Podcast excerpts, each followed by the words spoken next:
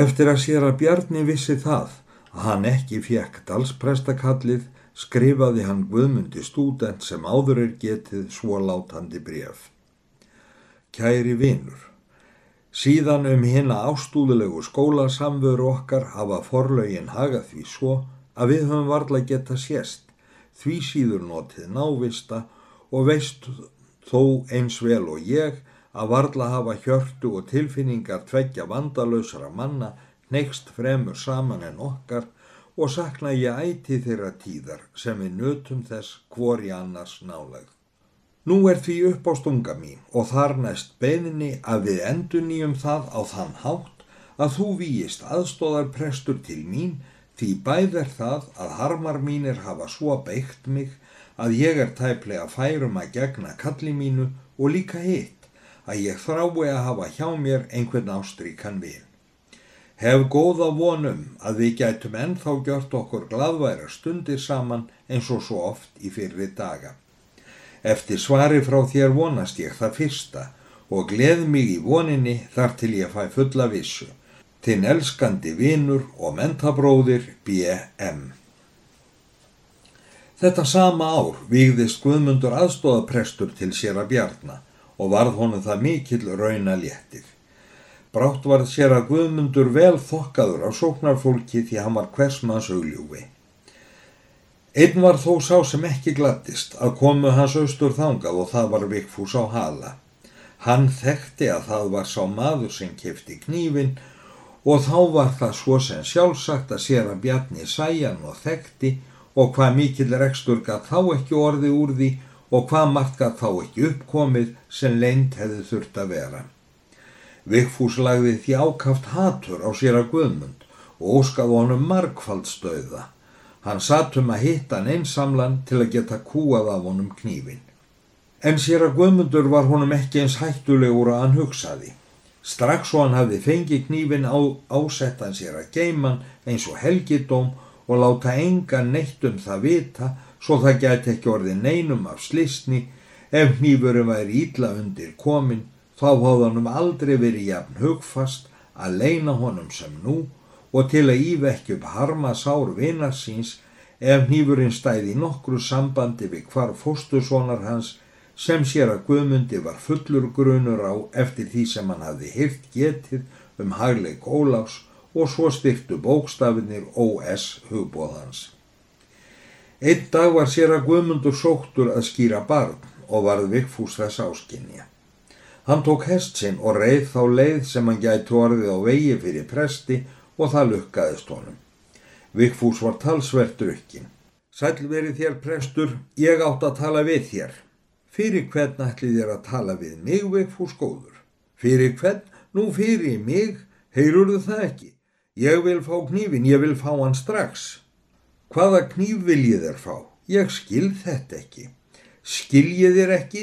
Þú skilur víst knífin hans ól, þarna knífin sem þú stalst út úr mér í Reykjavík út, á, út með hann strax. Vigfús þreif þá til sér að guðmundar og kift honum að baki en prestur var fastur í ístaðinu og vast fóturinn mjög bæði hnje og ökla liðum. Vigfús leitaði þá í vössum hans en fann ekki nýfin. Þá reyttist hann að nýju og barði prest óþyrmilega svo að blætti. Ef þú drefur mig hér vikfús, þá máttu vera vissum að þér en engum öðrum verður kent um það, því einhver hefur séð til ferðaðina og þótt það ekki hafi verið, þá verður grafist eftir hvert þú fóst og verður þó hægt að flækja jafn heimskan mann og þú ert og þó þetta bregðist máttu vera vissum að höndrottins hittir þig fyrr eðu síðar. Vigfús sefaðist við þetta, slefti presti og litaðist um allt í kring, hvort hann sæi engan, tók sig hann hest sinn og reyði burtu. Sér að Guðmundur gatt með mestu naumyndum komist á bak og reyð svo heimað hofi. Hann sagði sér að bjarna að hesturinn hefði fælst með sig því að svo var hann friðelskandi að hann vildi heldur þóla meðsl sín bótalaust en að láta fara rekast í þessu ílverki. Sér að Guðmundur lág lengi. Fóturinn allur bólnaði og hafði stíla við en fátum lekna og var sér að Bjarni orðin hrettur um að hann myndi verða karanmaður og gaf sér skuld fyrir það að hann hafði fengið hann til að fara austur og jók það honum að nýju sorg. Hann stakk því upp og sér að Guðmundur færi utan að leita sér lækninga og var það að ráði gjörn. Sóknarmenn skutu fér saman honum til farariris því hann var vinsæl vel og þeir prestar báðir og skorti hann því ekkert sem hann þurfti til ferðarinnar. Allir óskuðu sér að Guðmundi lukkulegrar og gladarar afturkomu nema Vigfús. Hann saðist halda að landi myndi ekki eigðast fyrir því þótt hann færi og svo varðan fegin burt för prests að hann hafði sjaldan verið jafn gladur þar hann hafði daglega kviði því að verða dregin til reikningsskapar fyrir ílmennsku sína. Þegar sér að Guðmundur kom til Kaupmannafnar fekk hann sér strax samastað á sjúkrahúsi og hafði þar góða að hjúkrun. Hann lá lengi vetrar og var þó á góðum batavegi svo að nokkru fyrir sömar var hann komin á fætur og styrtist á dag frá degi. Hann hafði lækniskipun til að æfa sig í göngunni og gekk þess vegna dag hvern út og það því lengra sem kraftar hans jökust meir og meir. Hann hafði skemtun af að ganga út fyrir borgin og skoða trén sem með nýju vori fengu nýja blómstur knappa og hlýða á söng sumarfuglana sem með margbreyttum röttum sungu drottni dýrð og glöttu sig yfir endurlífgun náttúrunnar. Sjálfur gatt hann glatt sig yfir hilsubata sínum og var þá oft svo hrifin af öllu þessu að hann eins og glemdi sjálfum sér. Hann hafði með sér skriffæri og samdi ræður til að flytja fram þegar hann aftur tæki til kennimannstarfa sinna því honum fannst hann aldrei geta fengið áhrifa meiri texta til að predika út af. Eitt dag þegar hann gekk út í skógin klifraði hann upp í tré og settist á grein þar sem hann gætt komið sér hakkvæmlega fyrir því honum fannst að hann væri þá nær því himneska og fjær jarneskum skarkala. Þegar hann hafði falið sig um hríð sá hann hvar tveir menn komu og síndist hún að þeir fara nokkuð pukurslega. Hann faldi sig þá svo vel sem hann gatt og hallaði sér upp að trénu. Þegar þeir komu nær svo hann gatt heyrt talveira sagði annar hér skulum við nú láta fyrirberast undir trénu og hafa þó sem best gátt á ef einhver kann að slæða stað. Við þurfum enga votta við þessa aðtöfn. Ég kom, kom að skipta bróðurlega, millu okkar máttu trúa, en hvað er nú böggullin sem þú gemdir? Mér er forvitt ná að sjá hvað í honum er, því máttu trúa. Það er nú öðruvísi en svo að ég geti sínt hann hér. Ég tapað honum í gerðkvöldi, en ég fekk þá líka litla ögn í aðra hönd sem kannski er meira virði. Gís, því þetta voru þeir félagar, sagði nú Lars að ferðum sínum og síndi honum hvað honum hafði fjernast. Ég göri nú lítið úr þessu glingri sem þú hefur náð. Skildingarnir eru fáir en hitt er ekki verðt að eiga. Því það getur orðið til þess að koma okkur einum degi fyrir samfélag stallbræður okkar því máttu trúa.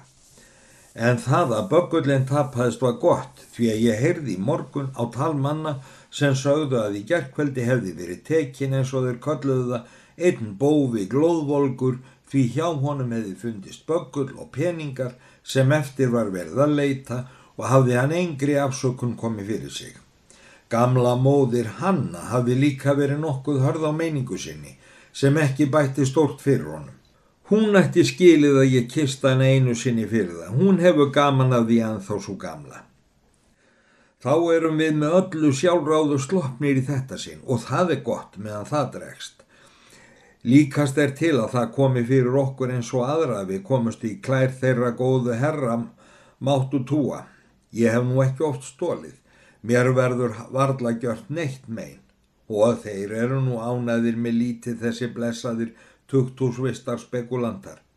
Þó að þú hafur ekki stólið nema einu sinni þá takaðir þig fyrir gilda vöru.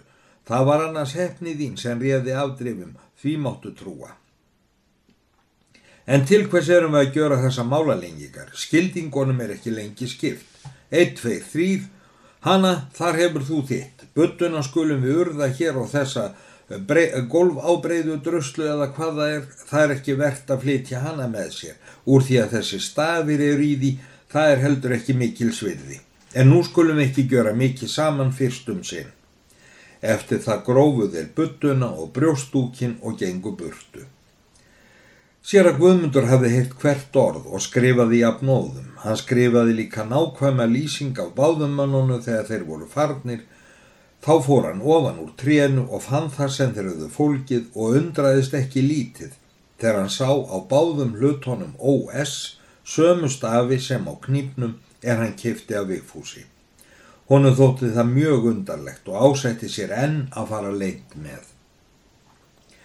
Hann sá að nöðsynlegt var að gefa lauruglustjórninni til kynna hvers hann hefði orðið var því alla líkur voru til að saklaus maður hefði verið gripinn en sakardólgurinn myndi sleppa. Hann gekk þá inn í staðin. Var honum forvitni á að heyra nýmæli og fór þar þar inn sem hann gætt sér dagblöð. Eftir að hafa lesið um stund fann hann svo látandi auglýsingu gripinn þjófur. Í gerðkvöldi var flemskur verslunarsveit Óli Max gripinn eftir að hafa laumast inn í hús, lokið upp hyrslu og stólið þaðan peningum og fleiri munum. Hann vill ekkert meðganga enda þótt áraðanlegt vitni gefið sér fram sem segist hafa séð mannin ganga inn í húsið með það stólna og haldið þar vörð þanga til lauruglu þjónarni komu og tók hann. Liggur því eftir öllum líkum ekki annað fyrir en að þröngu honum til meðkenningar og síðan dæma til maklerar hegningar. Óli Max verslunarlæri svein hugsaði sér að guðmundur. Hvernig áttu hlutir sem OS átti skilt við það nema því aðeins að Óli Max hefði stólið þeim. Af stuldinum þeim um kvöldi leitt þó út að hann væri saklaus. Var því ekki verðt að spilla málefni hans með því að sína áminnstar hluti og þá dró sér að guðmundur undan skýslu sinni. Þegar að lauruglustjónin sá og heyrði þennan vittnisspurð fengu þjónar hennar enn að nýju anríkt að leita en varð ekki ágengd. Skip það sem sér að Guðmundur ætlaði með út til Íslands var ferbúið þessa daga og fór hann því með því og gat þess vegna ekki lengur verið nálægur til að fylgja framburði sínum. Hann kom heilu og höldnu heimað hofi og var sér að bjarni honum mjög fegin. Engum manni saði hann frá atbyrðum þeim sem nú var frá sagt og engum síndi hann budduna eður brjóstúkin en gemdi hvort feggja vandlega.